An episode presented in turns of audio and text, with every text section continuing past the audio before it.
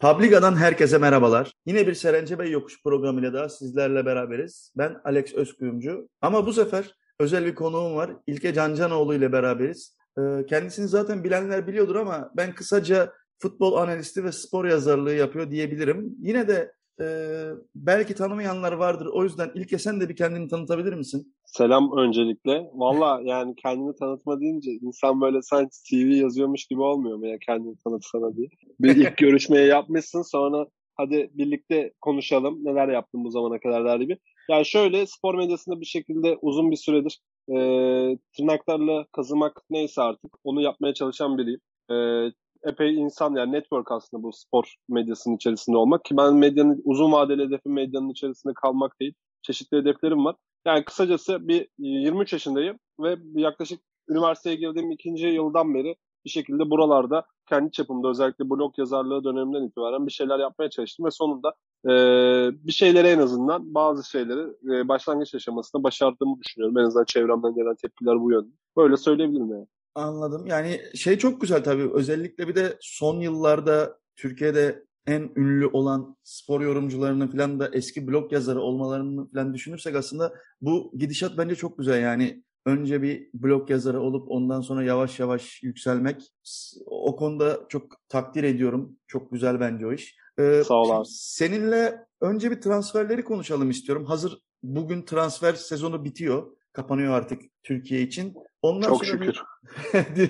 bu, bu, bu sene bitmedi ya resmen. Hani o mu geldi, evet, şu mu gitti derken nihayet bitti ama e, gidenleri konuşmayacağız. Gelenleri konuşacağız daha çok. Onun üstüne... Gidenleri zaten çok konuşmaya gerek yok. Gitti ya. Bitmiş yani. Yani aynen öyle. Üstüne bir genel Beşiktaş'ın durumunu konuşup en sonunda Şampiyonlar Ligi'de ne yaparız ne ederiz bir konuşuruz ve programı kapatırız diye düşündüm. Hızlıca transferlere gireyim. Ee, galiba çoğu kişinin beklemediği ve çok büyük bir sürpriz olan hatta dünya çapında sürpriz olan bir transfer var. Önümüzde Pjanic. İlk evet. başta istersen bununla başlayalım. İsim olarak ya, çok spektaküler ama sence sahada ne verir? Ya şöyle e, şimdi hani bu transfer dönemin uzadı aslında yani Türkiye'de. Hatta bunu Ali Koç da son bir hafta önce yaptığı bir programda hatta Candaş abiyle yaptığı programda açıklamıştı. Bir hafta geç başlasın, bir hafta geç bitsin önerisi tüm kulüpler tarafından önerilmişti ve bu da mantıklı oldu. Beşiktaş'a Pjanic kazandırıldı. E, çünkü Avrupa'daki kulüplerin hem mali hem de onların o organizasyonuna Türk kulüpler yetişemediği için e, burada hani kadrodan gönderilmek istenen ama elde kalan oyuncularla alakalı bir fırsat olur mu düşüncesiyle böyle bir uzatılma kararı alındı. Ben bunu makul buluyorum. E, bunun sonucunda zaten Beşiktaş Pjanic'i kazandı. Yani ne verir sahada ben bunu e, kendi YouTube kanalımda anlattım aslında Pjanic'i neler yapacağıyla alakalı. Şu benim en büyük sorum da aslında. Hatta bunu birçok kişiye de sormuştum. Pjanic sizce Beşiktaş'ın ihtiyacı olan bir oyuncu muydu? Bu ilk soru olsun. Şöyle cevap verdim ben buna. Pjanic Beşiktaş'ın ihtiyacı olan bir oyuncu değildi. Beşiktaş biraz da böyle 8 ile 10 bağlantısını yapacak bir oyuncu ihtiyacı vardı Beşiktaş'ın. Ama orada 6-8 bağlantısını e, yapan bir oyuncuya e, gidildi. Yani nedir bu? Birinci bölgeden topu çıkartmakla ikinci bölgeden üçüncü bölgeye topu taşımak arasında bir seçim yapması gerekiyordu Beşiktaş'ın. Bu seçimde Miralem Pjanic olunca hani ihtiyacın olmasa da Pjanic'e göre bir oyun e, düzenleyebilirsin. Ki zaten biz bu kaydı 23.05 şu an saat 8 Eylül günü. Çarşamba günü hocanın e, Sergen Hoca'nın basın e, basın toplantısı yok. Yine Candaş Tolga Işık'la yaptığı to, e, program da az önce bitti. Orada da hani Pjanic'le alakalı böyle bir fırsat geldi. Bu fırsatı değerlendirmek o, e, değerlendirmemek olmazdı diyor. Yani oyun anlamında ben katacağı çok şey olduğunu düşünüyorum. Beşiktaş'a böyle kiralık gelip bir yıl oynayıp sonrasında giden birçok oyuncunun e, tadı hala damağımızda. E, o yüzden de Pjanic'le ben yine aynı şekilde olacağı ihtimali e, çok yüksek görüyorum aslında. E, hani Joseph mesela savunmada kesiciliğiyle, takıma liderliğiyle, takımı hücumda tutuşuyla e, biliniyor. Pjanic mesela savunma anlamında o kadar e, göz önünde olmasa da e, o hani Gaziantep maçı vardı Beşiktaş'ın ligin ikinci haftasında savunmayı açamadığı maçtı. E, orada mesela savunmayı tek de böyle açacağı topları çok göreceğiz biz bu yıl. Özellikle Şampiyonlar Ligi'de buna ihtiyacı olacak Beşiktaş'ın. E, tempo anlamında sorun yaşadığı maçlarda bir şekilde skoru bulmaya e, ihtiyacı olduğu anlarda Pjanic'in orada tek başına böyle sahaya çıkacağı maçlar olabilir diye düşünüyorum. Ve çok makul. 10'da 10 transfer neyse 10'da 10 transfer Miralem, Miralem Pjanic'ti. Ya çok güzel. Aslında hepimizin beklediği ve e, umduğu şeyleri söyledin. Sadece benim kafamda şöyle bir şey var. Bundan birkaç ay sonra gideceği kesin olan yani kalma ihtimali olmayan bir insan kendini Şampiyonlar Ligi hariç Türkiye Ligi'nde sallıyorum böyle bir kış ayında doğudaki bir deplasmanda zorlar mı kısmında ben çok şey yapmıyorum ama zaten orada birazcık... da Orada yani, da zaten 8 artı 3 var ya Mehmet Topal Onu diyecektim yani o, o tarz maçlarda da oynayacağını da sanmıyoruz herhalde. Yani e, gitmesin ya. Erzurum yok dedik. Erzurum olsa Erzurum deplasmanında gitmesin yani. Gerek yok yani. Kayseri deplasmanında oynamasın Pierre. Aynen bu saçma 8 artı 3 kuralı Pjanic'e o tarz saçma deplasmanlar konusunda işine yarayabilir belki. Ya aslında bir yerli Türk alabilseydik defansa çok güzel olacaktı ama maalesef onu çözemedik. Onu yapsaydık herhalde ön taraf Necip oynar ya ne olacak? Yani gerektiğinde evet Necip benim biliyorsun en sevdiğim oyunculardan biri o yüzden. o zaman direkt ikinci isme geçiyorum. Adaşıma Alex Teixeira'ya. Yani hani şöyle söyleyeyim transferin ilk o yapılacağı e, günde ilk ismi çıktığı noktada hatta Joseph ve diğer hatta Fernando da vardı. Brezilyalı o da yine Joseph ve Alex'in arkadaşı. E, ben çok imkan vermedim bu transferin olacağını. Çünkü hep Beşiktaş'ın böyle transfer dönemlerinde böyle oyuncular çıkar bir tane böyle. İşte adı anılır, çok yüksek sesle söylenir, e, gelecek gibi olur böyle ama cidden gelmediği olur. Ve o oyuncu farklı bir takıma gider. Avrupa'da Beşiktaş'ın karşısına çıkar. Beşiktaş'a da gol atar. Ya biz bunu alacaktık muhabbeti olur. Alex Teixeira tam olarak böyle bir şeydi. Hatta mali şartları da ciddi anlamda problemdi. E, ama ben ona rağmen bir şekilde Alex Teixeira'nın kadroya katılmasından mutluyum. Burada insanlar 31 yaşında işte yaşlı e, Kasım'dan bu yana topa dokunmuyor dediler birçok konuda haklı olabilirler ama Alex Teixeira gibi bir fırsat varsa da bu fırsat da Beşiktaş'ın istediği mali şartlarda ki burada yönetim aile bir parantez açmak lazım. Bu yılki transferlerin tamamı e, Beşiktaş'ın istediği şartlarda gerçekleşti. E, bu anlamda da Beşiktaş'ın istediği şartlarda Alex Teixeira'yı getirmesi e, ciddi şekilde bence onda on belki yaştan muhabbet şey olabilir ama bana göre yine onda on. Brezilya eski milliden bahsediyoruz ki onunla alakalı da bir cümle vardı. Brezilya milli takımında sürekli oynamayan en değerli oyuncu diye kim söyledi? Ha, bir teknik direktör söylemişti. Şu an adım, adı aklıma gelmiyor ama Teşekkür ile alakalı da ben çok pozitif düşünüyorum. Yani gördük zaten Karagümrük maçında. Beşiktaş'ın geçen yıl o bölgede Mensah, Laiç, Oğuzhan oynuyordu. E, onlardan beklediğimiz ya o, onlardan o normalde orada beklediğinden nedir? Bu oyuncuların performansına artı bir eklenmesi. Yani bu oyuncuların toplamına artı bir eklenmesi gereken bir oyuncu. Alex Teixeira zaten artı bir ekleyecek. Onun üzerine bir de kendi meziyetlerini katacak. Orada Karagümrük maçında tek başına e, rakibin solundan kalecinin sağına şey kalecinin soluna e, rakibin sağından topu bıraktı. Gol oldu. Beşiktaş 1-0 kazandı. Geçen yıl mesela Oğuzhan Leic Mensah bunu yapabildi mi? Yapamadı. Konu bu kadar net aslında. Yani. Bence de bu çok net. Yani e, Alex konusunda benim kafamdaki tek sıkıntı hani olası bir sakatlık vesaire durumunda maç kaçırma riskinden korkuyorum. Onun dışında özellikle yani Türkiye Ligi'nde her türlü oynar yani ve ben de senin gibi o kadar hani içeriden bile haber gelmesine rağmen aldık bitti inanmıyordum. Bayağı imzaya kadar inanmadım.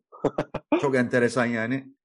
Benim en büyük e, soru işaretlerimden biri olan isme geldik sıra aslında. O da Batshuayi. Niye çok büyük bir soru işareti var diye soracak olursan çok güçlü, iyi, güzel ama bir bana göre yani benim gördüğüm kadarıyla çok fazla böyle alver oyununa, takım oyununa haiz bir oyuncu değil. İki, bence çok temiz şutları yok. Ya ki zaten son maç gördük yani 30 tane şut çekti neredeyse. Hiçbiri gol olamadı gibi bir sıkıntımız var. Ama yine de çok güçlü. Sen ne dersin? Ya şöyle aslında son maçı statta mı izledin? Evet evet. Televizyon. Statta aslında bak ben de stattaydım o maçta. Ama şöyle söyleyeyim yani benim e, gördüğüm kadarıyla o savunmaya o yapılan baskı Karagümrük maçında savunma yapılan ön alanda yerleşimi ben çok büyük etkisinin olduğunu düşünüyorum Michi Batshuayi'nin.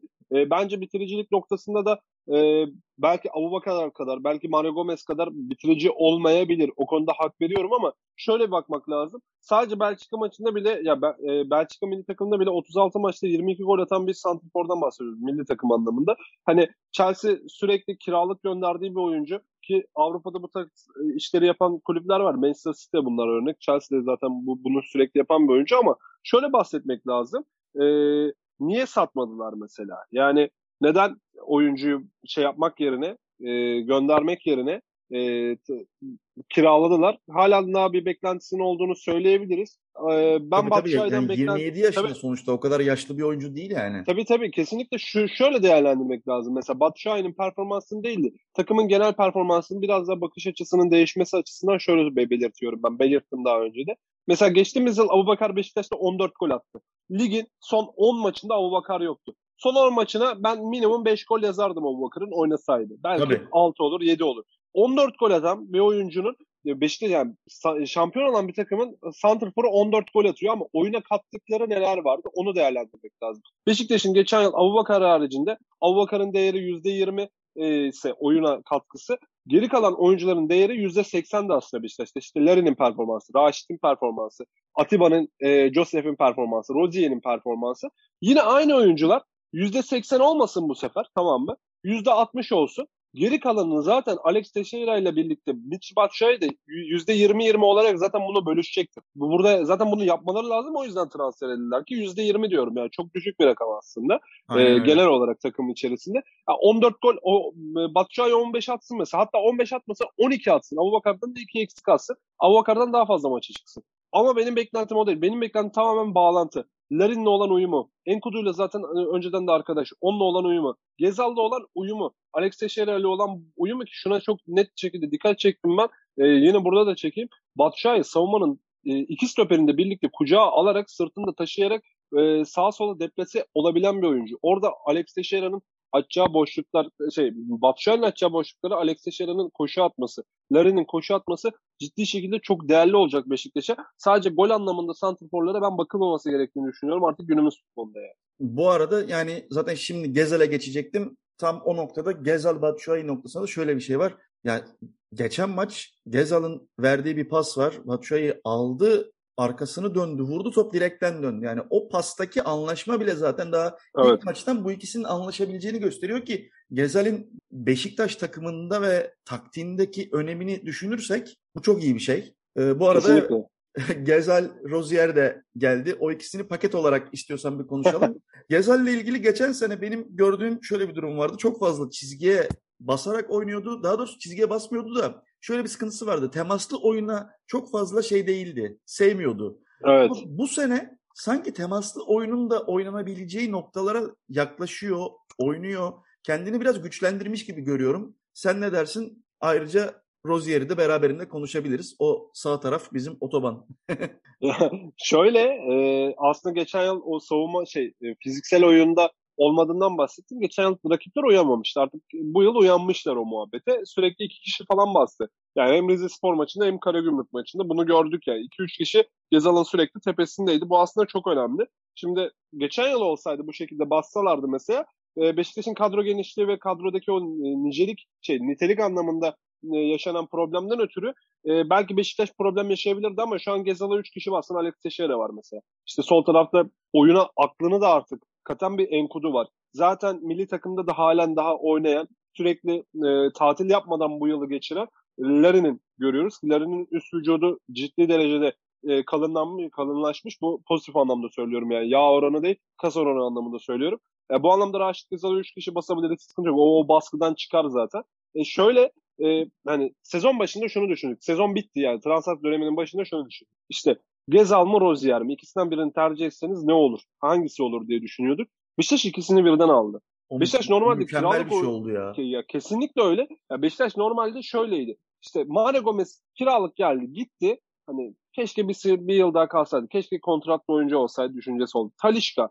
Hala da Talişka'nın ben attığı golleri YouTube'da denk gelir ara ara çıkar karşıma oturur izlerim yani. Hiç şey yapmam yani izleyeceğim şimdi demem oturur izlerim. En yoğun işim varsa bile o an bana mutluluk verir Talişka. Gezal da öyle mutluluk veriyordu. Rozier de öyle mutluluk veriyordu. Paket dedin. Orası otoban dedin. Zaten en net cümleyi kurdun sen. O açıdan hani üzerine ta, bir daha eklenecek bir şey var mı çok bilmiyorum.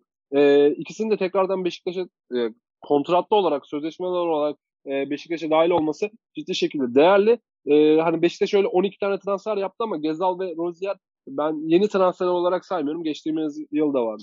Tabii canım onların içine Montero da öyle aslında. Ee, şimdi Kenan Karaman'ı konuşacağız ama Kenan Karaman'ı konuşurken bir ufaktan Larin'e de girmek gerekecek. Tabii. Hatta bu işte üç Türk muhabbetinden dolayı da birazcık sıkıntımız var. Hatta Kenan'ın belki en büyük katkısı orada olacak gibi gözüküyor ama bir yandan da geçen senenin neredeyse en çok gol atan oyuncularından bir tanesini kesmemiz gerekiyor gibi bir durum var. Ama ben orada galiba herkesten farklı düşünüyorum. Enkudu ee, mu? Hayır abi. Larin noktasında. Enkudu zaten hani bu sene bayağı geliştirmiş gibi gözüküyor kendini ki o savsaklığı giderse Enkudu çok iyi olur ve formayı alır diye düşünüyorum ama Larin noktasında herkes oynasın diyor ama ben açıkçası şey noktasındayım artık iyice Beşiktaş'ı düşünüyorum orada ve Abi bu adama sözleşme teklif ediliyor kabul etmiyor. Satın alınması için teklif geliyor gitmiyor. Yani bu adam 6 ay sonra bile değil birkaç ay sonra bedavaya elden gidecek. Yani Yapılamıyor muymuş kontrat? Abi kabul etmiyor asla yani. En son geçen hafta mı önceki hafta mı ne sordum yine aynı cevap geldi. Adam bir şekilde yani kameralara karşı kontrat yenilemeye okeymiş gibi davranıyor ama gelen hiçbir teklifi de kabul etmiyor. Yani nasıl bir teklif bekliyor bilmiyorum ama Larin'le ilgili benim kafamda orta konuda çok şey var. Hani bir yerde e, anlaşamıyorsa belki de kesmemiz gerekecek oyuncuyu gibi bir durum var. Ama onu sonra konuşuruz. Daha genel durumu konuşacağımız zaman e, o yüzden genel durum noktasına Enkudu'yla Larin'i zaten ayrıca şey yazmıştım. E, not almıştım. E, Kenan'a geçelim istiyorum. Tabii. Ya şöyle e, ben Kenan Karaman'ı ya yanılmıyorsam tam bir yıl önceydi. Bir, birkaç tweetim var. Hatta Twitter'da da search edebilir arkadaşlar, dinleyen arkadaşlar. Milli takımda ilk oynamaya başladığı zaman artık Şenol Güneş sürekli süre vermeye başladığı zaman işte Kenan Karaman ne alaka? Kenan Karaman niye oynuyor? İşte Kenan Karaman futbolcu mu? Sadece futbolculuğu. İşte hücum oyuncusuysa gol atan, e, kanat oyuncusuysa çalım atan, işte e, sağdan içeri girecek sol oyun, e, sol kenar oyuncusu. İşte sağ direğe doğru, e, çatala doğru topu bırakacak falan zannediyorlar. Yani hiç böyle oyunla alakası, oyunla alakalı olarak e, stopere şey savunmaya yardım ediyor mu? İşte santrafora bakıyor mu falan filan. Hiçbir şey yok. Zaten bugün hoca çok net söyledi. Futbol e, 11 kişi hücum 11 kişi savunmayla oynanır. Yani bunu tamamen yapabilen e, Beşiktaş'ta Kenan Karaman hariç başka oyuncu var mı? Bunu değerlendirmek lazım. Yani tamamen bir rol oyuncusu. Ya Beşiktaş değil de Galatasaray ve Fenerbahçe'ye gitse Kenan Karaman bu kadar net konuşmazdım. Bunu çok net söylüyorum. E, Beşiktaş'ta bir rol var. E, bu rolü de Kenan Karaman'a, e, Larin'in üzerindeki rolü Kenan Karaman'a direkt uygulayabiliyorsun. Nedir bu? Savunma arkasına yapılan koşular. Nedir bu? Topsuz oyundaki hareketlilik. Nedir bu? E, rakip bekini koşturmak, kovalamak, hücuma çıktığında e, savunmaya yardım etmek. İşte hücumda e, Santrfor'un yanına yerleşip içeriye deplase olarak kendi bekine hem oyunu açıp hem de e, rakip savunmada e, kalabalık olmak yani. Bir anda Kenan Karaman e, forvete yaklaştığı zaman, en uca yaklaştığı zaman e, hem sol bekinde oyuna dahil oluyor. Bir anda e, artı bir kişi yazabiliyorsun hücuma. Ya, bu anlamda ben Kenan Karaman hem de free hem de Türk statüsünün artık çok değerli olduğu ki çok anlamsız olan bir kural orada ayrıca konuşalım. Ee, o açılardan ben Kenan Karaman transferini çok makul buluyorum. Maçların tamamında Beşiktaş'ta oynadığı süre aldığı maçlarda tamamında Santrfor oynadı. Milli takımda sol kenar oynadı. Hoca şu an Santrfor rotasyonuna yazıyor ama e, ben sol kenarda Kenan Karaman Forvet'te Batshuayi e, oynadığı zamanki oyunu da çok merak ediyorum. Kenan Karaman'ın Batshuayi'yi çok rahatlatacaktır gol noktasında yani.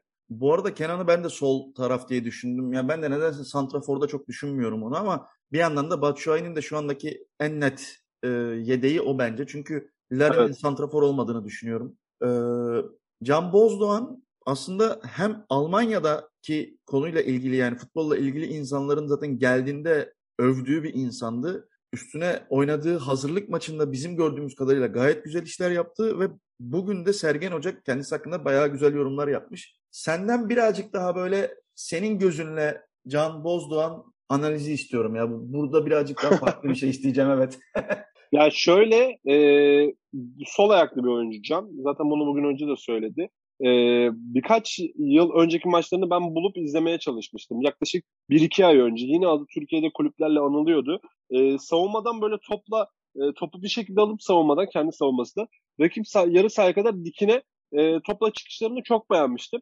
E, yine patlayıcılığı yüksek Beşiktaş orta sahasında patlayıcılığı yüksek e, oyuncu konusunda sıkıntı var. Rol anlamında bahsedeceğim. Atiba topla birlikte dikine e, gider ama hani ne kadar gider, ne, nereye kadar gider orada problemler var. Joseph gider bir şekilde dinamizmiyle gider ama topu ne kadar e, pozitif kullanır soru işaretleri var. Abi Rex'te orada bir şey... de lafını böleceğim ama yani Atiba ile Joseph'in toplam 150 yaşında falan olduğu gerçeği de var ya. Yani evet o da var. E, bu anlamda hani farklı rol olması, e, 20 yaşında olması e, Beşiktaş'ın orta sahada gençleşme e, anlamında ihtiyacı olan noktaya Can Bozdoğan hamlesini çok makul buluyorum. Bak bir hafta önce e, Sergen Hoca %100 futbola katıldığında Can'la daha e, göremedim dedi. Bugün mesela şeyde e, Candaş Tolga'nın programında e, orada çıktığında Can dedi ilginç bir şey dedi. Ben kesin dedi süre vereceğim dedi yani. Hani süre vermek zorundayım dahi dedi yani öyle söyleyeyim. E, bir haftada hoca görmüştüm ki hoca da zaten herhalde Türkiye'de futbolu bilen en iyi adamlardan bir tanesi olduğu için e, ondan ötürü de e, ben hani bu bir haftalık süreci de çok makul buluyorum Can için. Ee, daha net izlemem lazım. Ben hazırlık maçını izlemedim. Bir böyle Türkiye Kupası maçı olur, bir başka bir şey olur, bir antrenman olur. Bir şeyi izleyip ona göre konuşmam gerekiyor yani. Tamamdır. Ee, şimdi muhtemelen yine bu 3 Türk oynatma mevzusundan dolayı transfer ettiğimiz bir oyuncuya geldi sıra. Umut Meraş. Ya ben çok sevmem, beğenmem yani futbolunu ama galiba alabileceğimiz yerli sol bek bakımından da en net oyuncu oydu diye düşünüyorum. Çünkü hoca belli ki sakatlıktan dönen Rıdvan'ın hala yeteri kadar iyi olmadığını düşünüyor ki zaten Rıdvan'ın fiziksel olarak çok düşük olduğunu da hep görüyoruz maçlarda. Evet. Güçsüz yani. Yani Rıdvan'ı hepimiz çok seviyoruz. Hepimiz böyle oynasın istiyoruz ama maalesef yani Ensakala gibi çok sevmediğimiz bir adamın arkasında kalıyor. Çünkü yok yani adamda fizik yok. Ve yani şöyle, Türkiye Ligi'nde özellikle o çok gerekiyor. Yani şöyle aslında e, yani o fizik konusuna bence çok takılınıyor. Yani takılma konusunu şöyle bakıyorum ben. İşte oyuncu mesela ağır diyorlar oyuncu işte yavaş diyorlar. Yani neye göre ağır neye göre yavaş. Yani bunu doğru e, betimlemek lazım. Bunu doğru anlatmak, doğru parametrelerle belirlemek lazım. Şimdi şöyle örnek vereceğim. Rodolfo'yu hatırlarsın değil mi abi? Tabii. Tosic'i de hatırlarsın. Herhalde ki. ha, Marcelo'yu da biliyorsun yani. 3 3 stoperi Beşiktaş'ın geçmişteki 3 stoperini de biliyorsun. Hı hı. Şimdi bak mesela Tosic kısa mesafede yani top böyle önünde 2-3 metredeyken, rakipteyken ortada kalan bir topa Tosic'in müdahalesi mi daha hızlıydı? Rodolfo'nun mu hızlıydı? Marcelo'nun mu hızlıydı? Tosic'in daha hızlıydı. Yani Tosic daha ha. hızlıydı diye hatırlıyorum ben de. Tepkime, o tepkimesi, o e, çabukluğu Tosic'in dar alandaki çabukluğundan bahsediyorum. Daha e, şeydi, hızlıydı. Ama Hı. mesafe geniş dediğinde mesela Marcelo adım boyuyla Rodolfo'da sakatlanmadan önceki döneminde bahsediyorum. E, onların uzun mesafedeki hem adım boyu hem koşu mesafesi Tosic'e göre daha yüksekti. Fiziksel olarak da Tosic biraz daha şey bir oyuncu. Diğerlerine göre orantısız güçlü bir oyuncu. Ama Marcelo Rodolfo'nun fiziğini kullanmadaki e, şeyi, e, eşiği çok daha yüksekti e, Tosic'e göre. Şimdi ağır mı oluyor Tosic? Marcelo ağır mı oluyor kısa mesafede tepkime ya tepki veremedikleri için. Ama uzun mesafede bakıyorsun Marcelo Tosic'in önüne geçiyor ağır olmuyor ki bu iki oyuncu yani. İkisinin de farklı parametrelerde birbirinin önüne koydukları oyuncu var. Rıdvan Yılmaz e, şey fiziksel olarak küçük deniyor. Rıdvan Yılmaz fiziksel olarak küçük olsa Edin Vişça'yı e, o 7-8 maçlık Beşiktaş'ın çok iyi gittiği dönemde Rıdvan Yılmaz vardı. 7-8 maçta çok iyiydi Rıdvan Yılmaz. Edin Vişça ligin bana göre en iyi kenar oyuncusu Edin Vişça mesela. Onu bağladı abi. Başakşehir maçında onu bağladı. Ama mesela. şu anda şöyle bir durum var yani zaten özellikle sakatlıktan döndükten sonraki Heh, hali. Orası evet kesinlikle orada sıkıntı yok. Bak dediğinde haklısın. Ama ben hani şeyi merak ediyorum işte e, sol beke e, hoca bugün açıklamasını yaptı. Hoca kendi çapında e, kendi düşüncesinde haklı olabilir. Orada hiçbir problem yok. Ama ben hani e, Rıdvan'ı da kullanacağını söyledi. Hiçbir problem yok. Ama bakıyorum işte hani sırf yabancı sınırından ötürü işte Umut Meraş. Yani o da mesela Ameli takım e, sol beki. Ligin şey e, Ameli takımın iki tane sol beki. ikisi de Beşiktaş. Bu anlamda değerli. E, ya, çok beğenip beğenmeme konusunda şey değilim ama e, Şampiyonlar Ligi'nde evet fiziksel olarak, boy olarak, size olarak Umut Meraş Rıdvan Yılmaz'ın önünde. Orada ben de en fikrim ya. Yani zaten birinci sol bek kesin Enkudu ama ama şey evet. Ee, en sakala. En sakala. İsimlerini hep karıştırıyorum ben onların. Ee, ama yani tabii orada şey durumu var. Türkiye'de özellikle yani ne kadar oynatabileceğiz bu yerli kuralı yüzünden o tartışılır. Tabii. Bilmiyorum. Şimdi e, yeni diğer bir isim aslında ilk transfer olduğunda benim sevindiğim ama şu geçtiğimiz birkaç maçtan sonra biraz galiba olmayacak dediğim isim. Salih mi? Evet. Yo, öyle. Direkt Salih Uçan. Yani şöyle ben hocaya ilk e, Rize Spor maçıydı. Rize Spor maçının basın toplantısında hocaya soru sorma fırsatı bulmuştum Salih Uçan'la alakalı. E, hocam dedim e, maç oynadığı süre içerisinde takımın en çok koşan oyuncusu. E, hem kendi yarı sahasından hem rakip yarı sahasından. Buna da box to box adı veriyor. Kutu anlamına geliyor box zaten. İki kutu arasında, iki ceza sahası arasında koşu yapan oyuncuya deniyor box to box. Ee, böyle bir rolü vardı Salih Uçan'ın. Ve e, hem rakip ceza sahasında en çok topla buluşan oyuncu hem de Beşiktaş rakip, e, ceza sahasından da en çok top çıkaran oyuncu Salih Uçan'dı o maç özelinde istatistiklerde. Hocam dedim hani siz Salih Uçan'ın performansından memnun musunuz? Biz gol ve asist anlamında da Salih'ten beklentilerimiz var ama şu anki performansından memnunum. Ama daha yukarıya çıkmalı demişti. E, ben Salih'ten me- e, memnunum. Evet hatalı bir hareket yaptı son maçta Karagümrük maçında. Ama genel manada hem Oğuzhan Özyakup'tan hem de Atiba'dan e, ki zaten bence Oğuzhan işte Alex Teixeira bağlantısına değil de Atiba'nın e, rolüne yazılmalı Salih Uçan. Onun da golden e, Gol Türkiye'den Umut Umut Onur Özgen'e verdiği bir röportaj var. Orada şey diyor mesela. E, ben diyor Atiba'nın diyor Türk versiyonu. O öyle bir soru geliyor. Ben diyor Atiba diyor fiziksel oyunuyla işte e, Siopis şimdi Trabzon'a giden daha öncesinde Alanya'da oynayan Siopis. Onlar diyor fiziksel oyunuyla diyor topçalar diyor. Ben diyor zekamla top çalarım. Çünkü ben onlar kadar fiziksel anlamda yukarıda bir oyuncu değilim diyor. Top çalma anlamında mesela e, Salih alakalı şöyle bir bilgi vereyim. Alt yaş milli takımlarında e, savunma önünde kesici. Hatta at, e, şeyi de lakabı da Ahtapot'tu Salih Uçan'ın. Sonradan 10 numara ve 8 numara olarak değerlendirmeye başladı. Şu an iki yönlü bir orta sahaya dönmeye çalışıyor. Ben Beşiktaş'ta değerli olduğunu düşünüyorum Salih Uçan'ın. Ve bence e, formayı aldıktan sonra da o yaptığı hareketin e, yanlış olduğunu o da farkındadır. Çünkü takım sürekli oynayacak bir oyuncudan bahsediyoruz Türk olduğundan ötürü. E, ama o, Türk olmasa da yabancı da olsa bence Salih Uçan Beşiktaş'ta forma giyerdi yani. Giymeye çalışır dördüncü. Ya zaten Salih öyle bir yerin oyuncusu ki şimdi kimin yerine oynatacaksın? Oraya bir Pjanic geldi, artı şey var böyle karışık bir nokta. Salih ben bu arada son maç yaptığı o hareketten dolayı hiç şey yapmıyorum yani hiç önemli değil. Her futbolcu yapabilir öyle hatalar da o tarz sakarlıklar olabiliyor bazen. Ben oyun içindeki bazı aksiyonlarından dolayı bunu demiştim ama sen daha, daha farklı görüyorsun. Daha iyi yani aslında senin gördüğün. Ona sevindim. Ee, Montero stoper yani aslında galiba şu anda elimizdeki en net tek yedek stoper Montero değil mi? Yanlış bilmiyorsun. Evet. Ee, Serdar var işte. O da hani e, çok yeterli görmüyor herhalde şu an. Yani Serdar evet yani daha ben Serdar'ın hiç Beşiktaş formasıyla resmi bir maçta gördük mü ondan bile emin değilim ya. Sanırım Türkiye Kupası ma- maçı vardı ya. Yanlış hatırlamıyorsam. Ya da hazırlık maçı da. Ama resmi olmuyor tabii hazırlık maçı. Yani işte o yüzden onu yok gibi sayıyorum. Ne diyorsun Montero hakkında? Yani senin fikrin ne? Ben açıkçası çok anlam veremedim. Ama niye geldi de demiyorum. Çünkü oraya bir kişi lazımdı. Ve 22 yaşında sonuçta bu çocuk yani ve bir şekilde olursa bu iş güzel de olabilir. Şöyle e, ilk olarak şey bakalım hani şartlara bakalım. Şart dediğim konu mali falan değil tamamen oynatma şartıyla alakalı söylüyorum. E, şöyle bir kural var TFF'nin vermiş olduğu.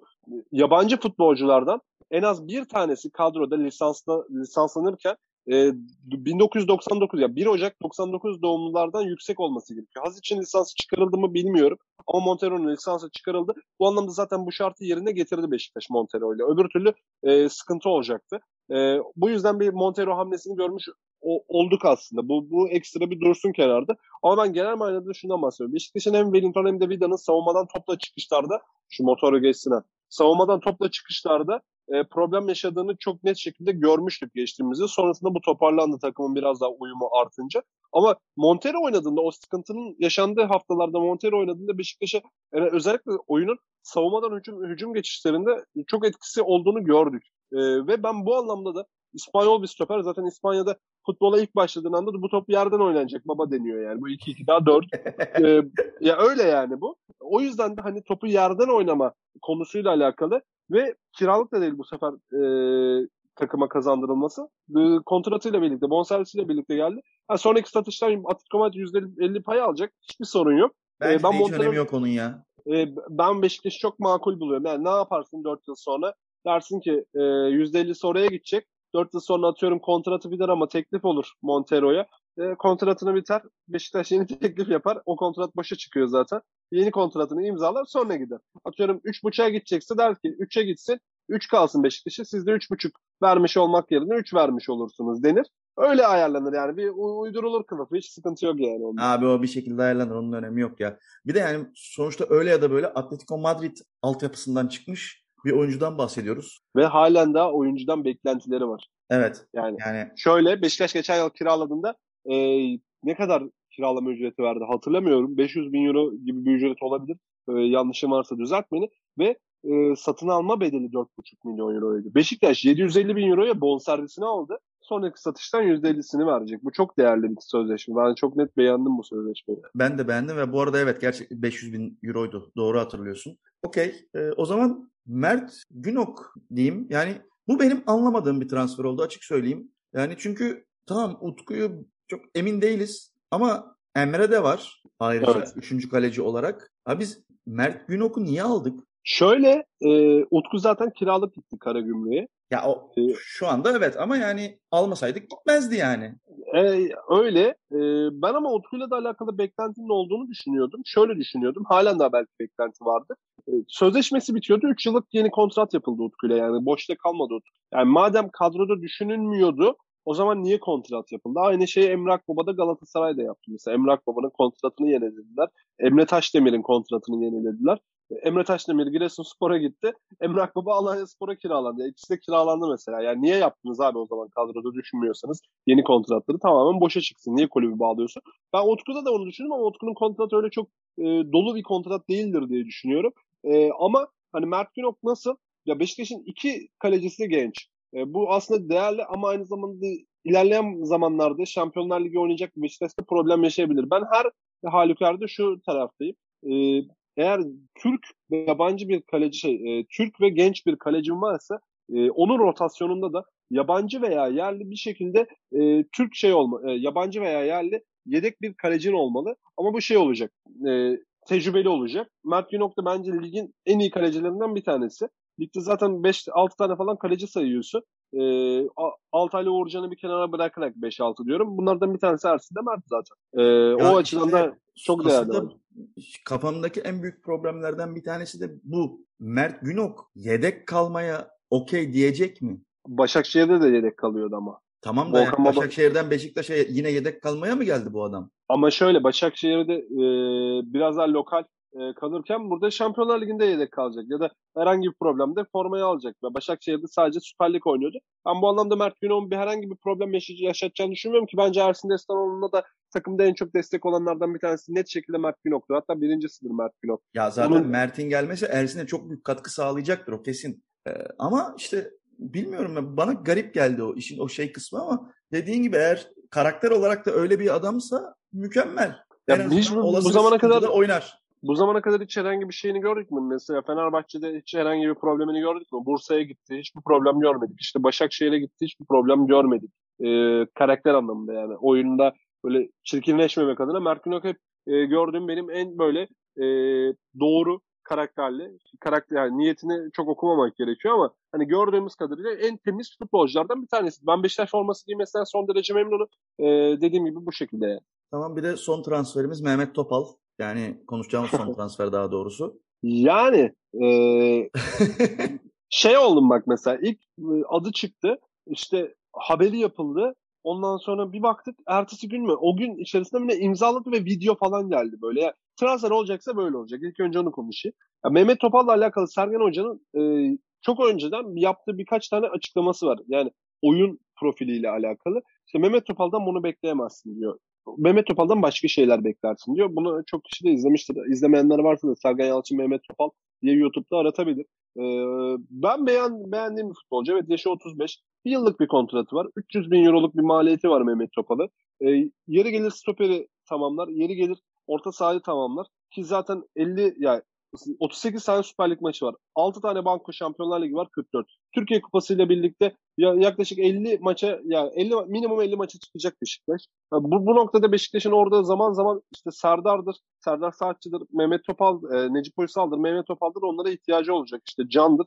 Ya ben bu anlamda Mehmet Topal transferinde kadroda o birlik beraberliği de sağlayacak bir futbolcu olduğunu, olduğunu düşünüyorum. Ya ben bu yılki transferlerde hiçbir ya şu olmasaydı e, diyebileceğim hani belki tek böyle parametreyle söyleyebilirim ama geneline baktığında o parametreyi de silir, e, siler, e, silen şeyler oluyor.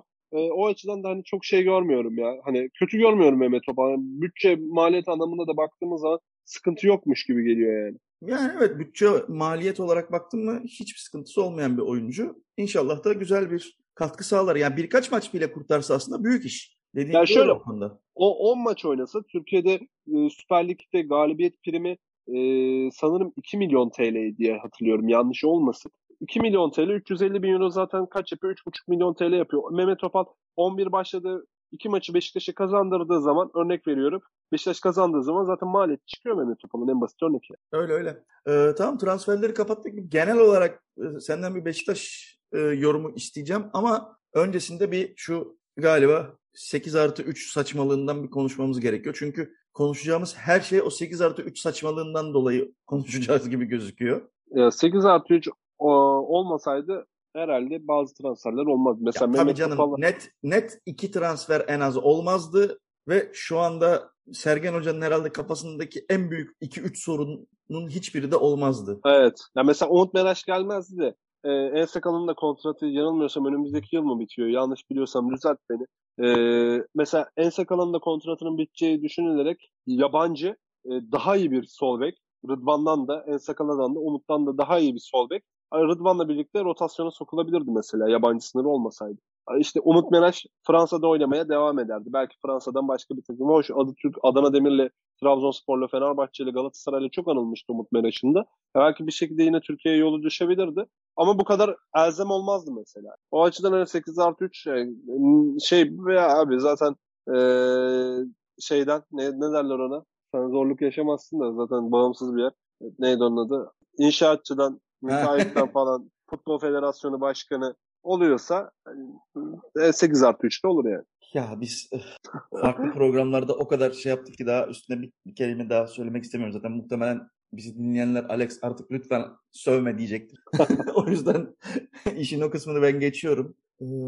Genel değerlendirmeye gelirsek benim bu seneden ümidim açık söyleyeyim çok büyük. Yani Şampiyonlar Ligi'nde bile var ama onu en son konuşacağım. Türkiye Ligi'nde ben şampiyonluğun en büyük adayı olduğumuzu düşünüyorum. Hatta Türkiye Kupası'nda da yani çifte kupanın en büyük adayıyız bence. Sen ne dersin? Yani burada tabii Trabzonspor'un e, ön alan oyunu çok iyi özellikle. Fenerbahçe iyi bir kadro kurdu. Galatasaray iyi bir kadro kurdu. Yani bu sene aslında dört büyükler de iyi kadro kurdu. Ama ben yani geçen seneki şampiyon kadronun üstüne eklenenlerle beraber çok daha güçlendiğimizi düşünüyorum ve oyun da çok daha güçlendi. Sergen Hoca da daha güçlendi. Evet. Ne dersin? Ya şöyle e, mesela sence ben sorayım hadi sen çok sordun ben soracağım sana. Geç, e, geçen yıl Beşiktaş'ın şampiyon olmasındaki en temel sebep sana göre neydi? Valla Sergen Yalçın diye biliyorum ben. O, o zaten öyle. Hani ben sana şöyle söyleyeyim. Ya o nasıl ikinci, bir... ikinci, ikinci max şeyi French Connection derim ya. yani ta- takım içindeki Fransızca konuşan insanların mükemmel uyumu. O da doğru. O da doğru. Ben, ama bunların hepsi şey e, nitelikle alakalı. Hani değil mi? E tabi. Ha sen ben nice, maaşları nice, mı diyeceksin? Ha, hayır hayır ben hani yine e, maddi olmayacak söyleyeceğim ama e, beklenti. Tamamen beklenti mesela. Lige, ligde Beşiktaş şampiyon olur diyebilen e, sezon başında diyebilen tek kişi Ahmet Nur Çebi o da Beşiktaş başkanı olduğu için söyledi. E, ama sen diyor muydun mesela geçen sezon Beşiktaş şampiyon olur diye? Yok. Ha belki 2-3 duble rakıştıktan sonra hepimiz diyoruzdur. O ayrı mesele ee, belli bir alkol şeyinden sonra evet. o, o, o, ama ona geçerli sayılmıyor.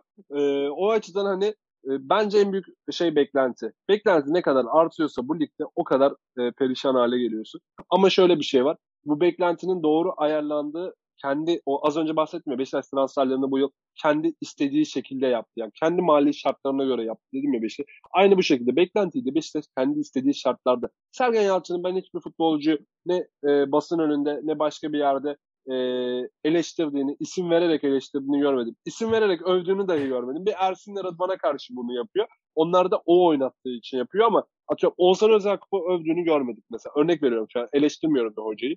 E, bu anlamda ben beklentinin hoca tarafından doğru e, iletişimle ayarlandığını düşünüyorum. Geçen yıl beklenti evet düşüktü Beşiktaş'ta. Evet bu yıl beklenti yüksek. Ama bunu da sağlayan bir Sergen Yalçın var. Bunu sağlayan bir Beşiktaş var. Bunu sağlayan Beşiktaş'ın şampiyonluğu var. Bu beklenti tabii ki artar. Kim şampiyon olursa olsun önümüzdeki bir önceki bir sonraki sezon tekrardan beklenti artar. Bu doğru.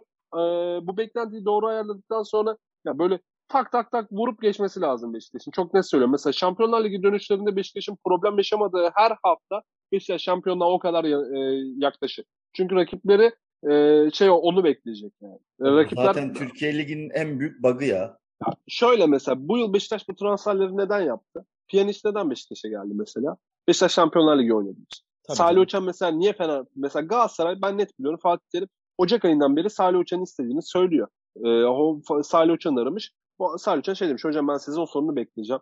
Ee, bir de Beşiktaş'la ilgileniyor benimle. Bir sezon bitsin. O, ondan sonra bir düşünüp karar vereceğim. Ee, tarzı bir cümle kurduğunu biliyoruz mesela. Salih Uçan neden Beşiktaş yerine e, Galatasaray'ı tercih etmedi? Beşiktaş Şampiyonlar Ligi'nde oynuyor çünkü. Yani bu 2-2 daha 4. O yüzden Beşiktaş'ın Şampiyonlar Ligi'nde sürekli olabilmesi için e, mesela hoca bugün şey dedi. Hani Şampiyonlar Ligi'nde eğlenmek mi Avrupa Ligi'nde devam etmek mi? Hoca şey demedi. Ben Avrupa Ligi'nde devam etmek istiyorum demedi. İşte beklenti bu. Şampiyonlar Ligi'nde bir üstüne çıkıp elensin, ligde devam etsin. Zaten kiralık oyuncu da çok yok. Bir Batu ile şey var, Pjanic var. E, Batu zaten tekrardan önümüzdeki yıl e, yani Gezal ve Rozyanes kadroya katıldıysa bir şekilde Batu Şahin'le ben kadroya katılma ihtimalini yüksek buluyorum. İyi performans gösterirse şayet. Öyle bir şey de yok. Hani e, Pepe mesela Şampiyonlar Ligi'nde 6 maçta çok iyi oynamıştı ama ligde çok kötü. Ligde ben hatırlamıyorum Pepe'nin böyle çok iyi performansını. Ben iki tane üç tane vardır ama aklıma gelmiyor benim. Ama Şampiyonlar Ligi'ndeki 6 maçta harika bir Pepe performansı vardı yani. Öyle o yüzden öyle. hani e, o beklenti doğru ayarlandığı takdirde ki ben doğru ayarlanacağını düşünüyorum. O kiralık oyuncuların da az olmasından ötürü e, direkt e, Şampiyonlar Ligi'nden hani atıyorum Beşiktaş elendi, e, lig kaldı falan denilecek potansiyelde oyuncular olduğunu düşünmüyorum. Michi Batshuayi 27 yaşına geldi. Her yere kiralanıyor. O adamın da artık böyle tamamen kendini vereceği bir e, platform olmalı, bir takım olmalı. Pjanic tekrardan kendisini kanıtlayacak. O yüzden geldi Beşiktaş'a. Barcelona'dan geldi ya. Barcelona'da Kuman neler demiş onunla alakalı. Bugün okudum yani. Kuman'a sallamış falan Pjanic. Kuman da buna sallıyor. Ben diyor görüşmeyeceğim diyor. Niye görüşeyim diyor. Tekrardan Pjanic'in üst seviyede Juventus'tur, Barcelona'dır, Chelsea'dir. O taraflarda oynayabilmesi için burada kendini kanıtlaması gerekiyor bir yılda yani. Doğru. Bunun da yolu Beşiktaş'ın Şampiyonlar Ligi'nde başarılı olması, Süper Lig'de tekrar kazanmasından geçiyor yani. Ya zaten Şampiyonlar Ligi ile beraber ortak konuşuyor gibi olduk. O yüzden evet. ikinci bir adım olarak Şampiyonlar Ligi'ni söylemeyeceğim. Şimdi ligde dediğin gibi bir beklenti şey durumu var.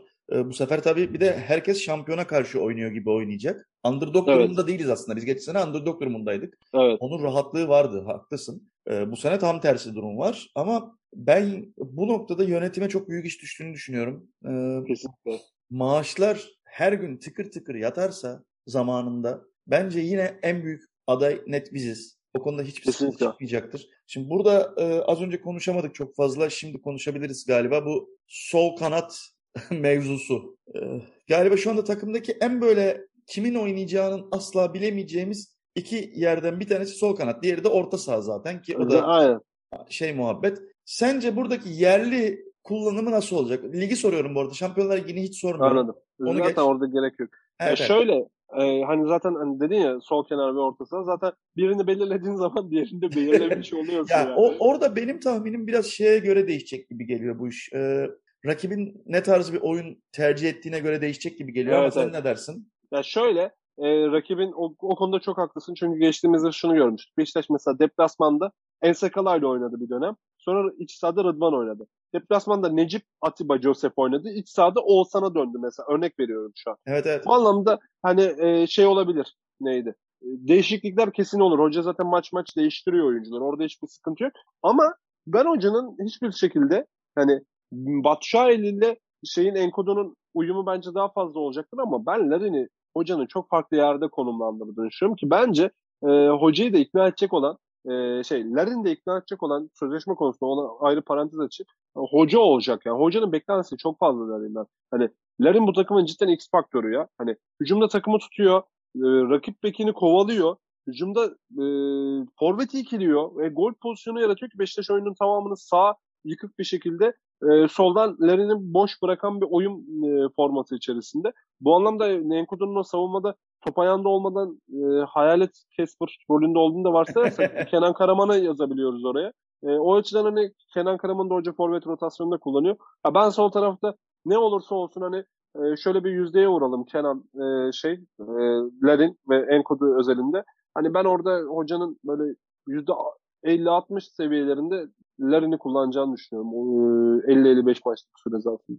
Anladım. Çok ya yüksek şimdi, rakam. Yani 30 maçı olur Larin'in bank. Madem bu kadar Larin konuştuk sana bir şey, komik bir şey soracağım. Bundan Tabii. iki sene önce birisi gelseydi deseydi ki bak İlke sen Eylül 2021'de böyle bir şey söyleyeceksin. Ne derdin? Tamam. Yo ben demezdim. Hoca da dememiş zaten ilk geldiğinde. Böyle bir off the record vereyim. Yani e, şöyle bir bilgi vereyim. Sergen Yalçın hoca e, şeye geliyor, tesise geliyor. İşte 2-3 antrenman oluyor. 2-3 hafta geçiyor falan. İşte gidecek kalacak oyuncular falan belirleniyor. Ha, bu arada hani o ilk 6 ayından sonraki yani şampiyon sezonun başlangıcından bahsediyorum. bu geçen sezon. Ee, işte tekrardan şey oluyor, kiralıklar dönüyor falan. Hoca diyor ki Larin'i diyor gönderin. İşte bakmayın diyor. Hani, yani Bakmayın abi diyor. Hani e, Beşiktaş zarar da edecekse etsin yani. Lerinden hani zaten kar edemeyecek. En azından hani çıksın elinden bir rahatlayalım diyor. Sonra hani şey oluyor. Hani bir sol kenarda bir problem yaşanıyor. Bu adam sol kenar olur mu? Düşüncesi oluyor.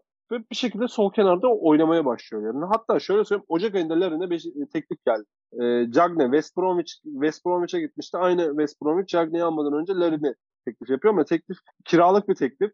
Ligde kalırlarsa opsiyonun devreye gireceği bir teklif. E, Beşiktaş yönetimi de o dönem sıcak bakmıyor bu teklife. Evet evet o ee, hatta medyaya da düşmüştü. Ondan sonra işte şey hani o mesela satın almalı, direkt satın almalı bir teklif olsa e, belki orada bir hamle yapılabilirdi. Çünkü bu paraya da ihtiyacı vardı kulübün o dönem. Yani halen daha ihtiyaç var ayrı mesele. E, ama şey yani hani Larin'le alakalı böyle bir şey. Hoca da şey yapıyor. Ben de demezdim. Ha. Bir, bir dönem e, Şenol, Şenol Hoca e, üzerine düşmüştü Larin'in. Oynadığı, süre aldığı, gol attığı maçlar olmuştu. Ama bu denli e, ben mesela çok net hatırlıyorum. Bir Şenol Güneş'in bir Beşiktaş'ta olduğu maçta e, olduğu dönemde bir maçı ben tam hocanın arkasındaki tribünde izlemiştim ama çok yakınım sahaya. E, işte şey e, sol tarafta yine Larin'i oynatmıştı. Hatta belki ilk sol kenar oynadığı maç olabilir Larin'i. Sana şöyle söyleyeyim. Ben dedim ki bu oyuncu bu, bu adam dedim futbolu bilmiyor. Bak cidden bunu dedi. ya Bak, benim sana... şey diye attığım tweet var ya bu adama e, futbol lisansı verenin yani diye. ya bak sana şöyle söyleyeyim. Şimdi bak bir oyuncu için for oynamak mı e, kenar oyuncusu oynama o kenar rolünde oynamak mı daha e, konforludur? for daha konforlu. Çünkü bek kovalamıyorsun. Sadece duvar olman gerekiyor. Evet oyun bilgin gerekiyor ama oyun bilgin kenar oyuncusu olarak hani fizikselin de ortaya koyman açısından çok daha yukarıda olması lazım. Ee, çok daha e, savunman lazım yani. Ve top ayağına geldiği anda da e, direkt servis yapabilmen lazım. Öbür türlü servisi sana yapıyorlar atıp atamamanla ilgileniyor ha, herkes. Orada bir sıkıntı yani, yok. Santrafor dediğin zaten şey. Yani bütün ha. maç hiçbir şey yapma. Çık bir tane koy kafayı. Gol ha. olsun. tamam işte kral sensin. Ha, aynen öyle. O yüzden mesela bak Larin sol kenar oyununda ben kaç defa hatırlıyorum. Kaç defa o sahneyi hatırlıyorum. Bak 3 veya 5 bilmiyorum sayısını ama oldu. Kaç defa Şenol Güneş'in önünde ben ne yapayım diye sordum. Bak sana yemin ederim. O adam geldi bu yıl geçtiğimiz sezon işte 19 gol attı ya. 19 gol. Dile kolay abi. Dile işte top ayağında olmadığında Larin'in etkisi. Top ayağında olduğunda da ne kadar etkisinin geçtiğimiz sezonlarda düşük olduğunu ama e, hem geçtiğimiz sezon hem de bu sezon özelinde top ayağında olduğunda da ciddi şekilde dikine onun Ronaldo yapıyordu yani. Brezilya Ronaldo böyle topla dikine fırlayıp gidiyordu mesela. Larin'de de o vardı mesela yani. yani topla alıp dikine yıkılmıyor da işi falan zor tutuyor. Yerli yok bakıyor yani. E, ya güçlenmiş zaten bir garip bir şey oldu adam. Üst, üst vücudu üst, geliştirdi. Üst vücudu ciddi manada ben böyle bir şey görmedim. Alt vücudu da bir o kadar ince ama incelikten kasıt hani e, kas sıfırlılığından bahsetmiyorum. Dolu kas ama üst vücutla alt vücut arası orantılı bir şekilde harika büyümüş yani. iyi çalışmış. İyi, zaten bu maçla olur. Genelde evet antrenman zaten yapılır ama e, o maç performansı ve e, oyun bilgisi de maç oynadıkça, süre aldıkça gelişir. Ben çok farklı, bambaşka bir Larin gördüm yani. Ya bu arada şöyle de bir gerçek var. Hani bu çok fazla tabii ki medyaya yansıyan bir durum değil ama Larin, Gezal, Rozier dahil birçok oyuncu normal takım antrenmanlarının harici personal trainerlarıyla da ayrıca çalışıyorlar. Yani evet. geçen seneden beri Beşiktaş takımında bir de böyle bir durum var. Yani futbolcular kendilerine de yatırım yapıyor ekstra. O, onun da katkısını zaten çok net bir şekilde görüyoruz. Evet. Ee, en son bir Şampiyonlar Ligi'nden sence ne yaparız diyeyim ve programı ufaktan kapatayım. Yani sen fikrini söyle ben de bir söyleyeceğim. Bakalım örtüşecek miyiz? Valla benim fikrim yok. Onu söyleyeyim. Yani Bu şey değil mi? ne dersen çok fena patlama riski olan soru. Ya az ya burada patlarsa ya. Burada Beşiktaş 8 dedi abi. Bak ben bunu yazdım. Burada Beşiktaş 8 dedi. Burada Beşiktaş namalup çıktı. Burada Beşiktaş namalup çıktığı yerde e, Almanya şampiyonunu çekti mesela. Abi hani, harbi o nasıl bir bahtsızlıktı ya. Bak düşündükçe sinirleniyorum ben ona. Üçüncü torbadan girdi. Dörtten Almanya şampiyonu Wolfsburg'u çekti. Hani ama bu seneki kura da olabilecek en iyi iki kuradan biriydi. E, ya, yine zor kura. Bak, Tabii canım yani ben, millet böyle yok Galatasaray'ın kurası daha zor falan diyorlar da yani. Geçelim o işi. Ya, geçelim o işi. Yani Dortmund'la Ajax'ın ne olduğunu farkında değiller muhtemelen ikinci ve üçüncü torbadan gelen. Ya tamam ikinci torbadan Paris Saint Germain gelse ne yapacağını bilemezdin ama yani ne yapalım ya. İşte o da ayrı bir konu. O, onu isteyince e, sonrasında Dortmund falan gelince Ajax gelince Bu arada bence otomatik... oradaki bizim en büyük şansımız şey abi. Sporting mi? Birinci torba tabii ki yani Sporting. Sana şöyle söyleyeyim bence e, keşke birinci torbadan Sporting gelmeseydi. Sen süpürecek bir takım bir tane olsa iyi miydi diye düşünüyorsun. Bu dördü de yani Beşiktaş'ı da bir kenara bırakıyorum ama üç takım birbiriyle çok denk güçte. Hani ne olacağını Beşiktaş'ın orada evet bir tane süpürecek takım lazım. Ya şöyle bir tane süpürecek takım olduktan sonra Dortmund Ajax olduğunda çok zorlu grup oluyor. O açıdan Sporting'in gelmesi değerli. Ama ben Sporting'in de bizim Beşiktaş taraftarında çok küçümsediğini düşünüyorum. Bence Dor Dortmund'un da üstünde yani Sporting. Onun net şekilde yani Haaland'ı çıkar mesela e, hiç Dortmund'un esamesini okumam ben. E, ama oyun birlikteliği, o takım bütünlüğü anlamında Sporting bence Dortmund'un da üstünde yani. Hadi ya. Bence öyle. Yani ben hiç izlemiyorum Portekiz futbolunu o yüzden yorum yapamayacağım. De yani sonuçta öyle ya da böyle Portekiz takımı yani Dortmund'dan daha sert demem biraz şey yaptı beni korkuttu ama. Yani Dortmund'dan daha sert olduğu için Ajax'tan da otomatikman daha sert olmuş oluyor. Beşiktaş'a en sıkıntı Ajax'ın oynadığı oyunu biliyorsun. Çünkü karşına çıkıyor. Dortmund'un oynadığı oyunu biliyorsun. Karşına çıkıyor. Ee, oyun rotasyon, oyun formasyonu anlamında söylüyorum. Ama Sporting'e karşı Beşiktaş e, o oyunu bilmiyor Beşiktaş. Daha hani e, Sergen Hoca biliyor olabilir. Takımdaki hocalar biliyor olabilir. Futbolcular biliyor ama takımın geneli bununla alakalı e, pratiğe sahip olmadığını düşünüyorum ben. Hani afallayacaksa Beşiktaş Sporting eşleşmelerinde afallayabilir yani. Anladım ya. Benim kafamdaki şey daha çok hani bir şekilde ikinci veya üçüncü olacağımızı düşünüyordum ben. Hani bir ve dört imkansız noktasındayım. Yani bir zaten imkansız da dört de bence olmayız gibi duruyor ama. Belli olmaz yani. Bak, dediğin Leipzig... gibi yani öyle bir grup ki herkes birbirini yiyebilir yani. Bak bizdeki son birkaç transfer olmasaydı yani şey derdim abi biz millet böyle kolay mı olay diyor da burada biz zor puan alırız yine bir şekilde yani. belki İstanbul'daki bir iki maçtan bir şeyler kazanırız ama dördüncü oluruz en iyi ihtimal üçüncü oluruz derdim ama işte bu piyanisttir vesairedir derken bir ihtimal 3 veya 2 diyebilmeye başladım. Ama şey yani... soracağım sana. Son kapanmadan ben de, ben de bir şey sorayım. Çok uzattık mı bilmiyorum ama. Ya sorun ee, ya. Bizde şey dakika sınırı yok. o çok iyi. E şöyle umarım arkadaşlar da bu noktaya kadar dinlemişlerdir. Teşekkür edeyim ben onlara da. Bana katlandıkları için. Onlar da cevap versin hatta. Şöyle söyleyeceğim. Ee, soracağım sen cevap ver. Tabii. Ee, zaten başka kimse cevap veremiyor bunu. Dışarıda ikimizin. ee, Pjanic mesela. Pjanic, Ajax, Sporting e, veya Dortmund'da olsa e, şaşırır mıydın? Tabii ki hayır ya. Ha.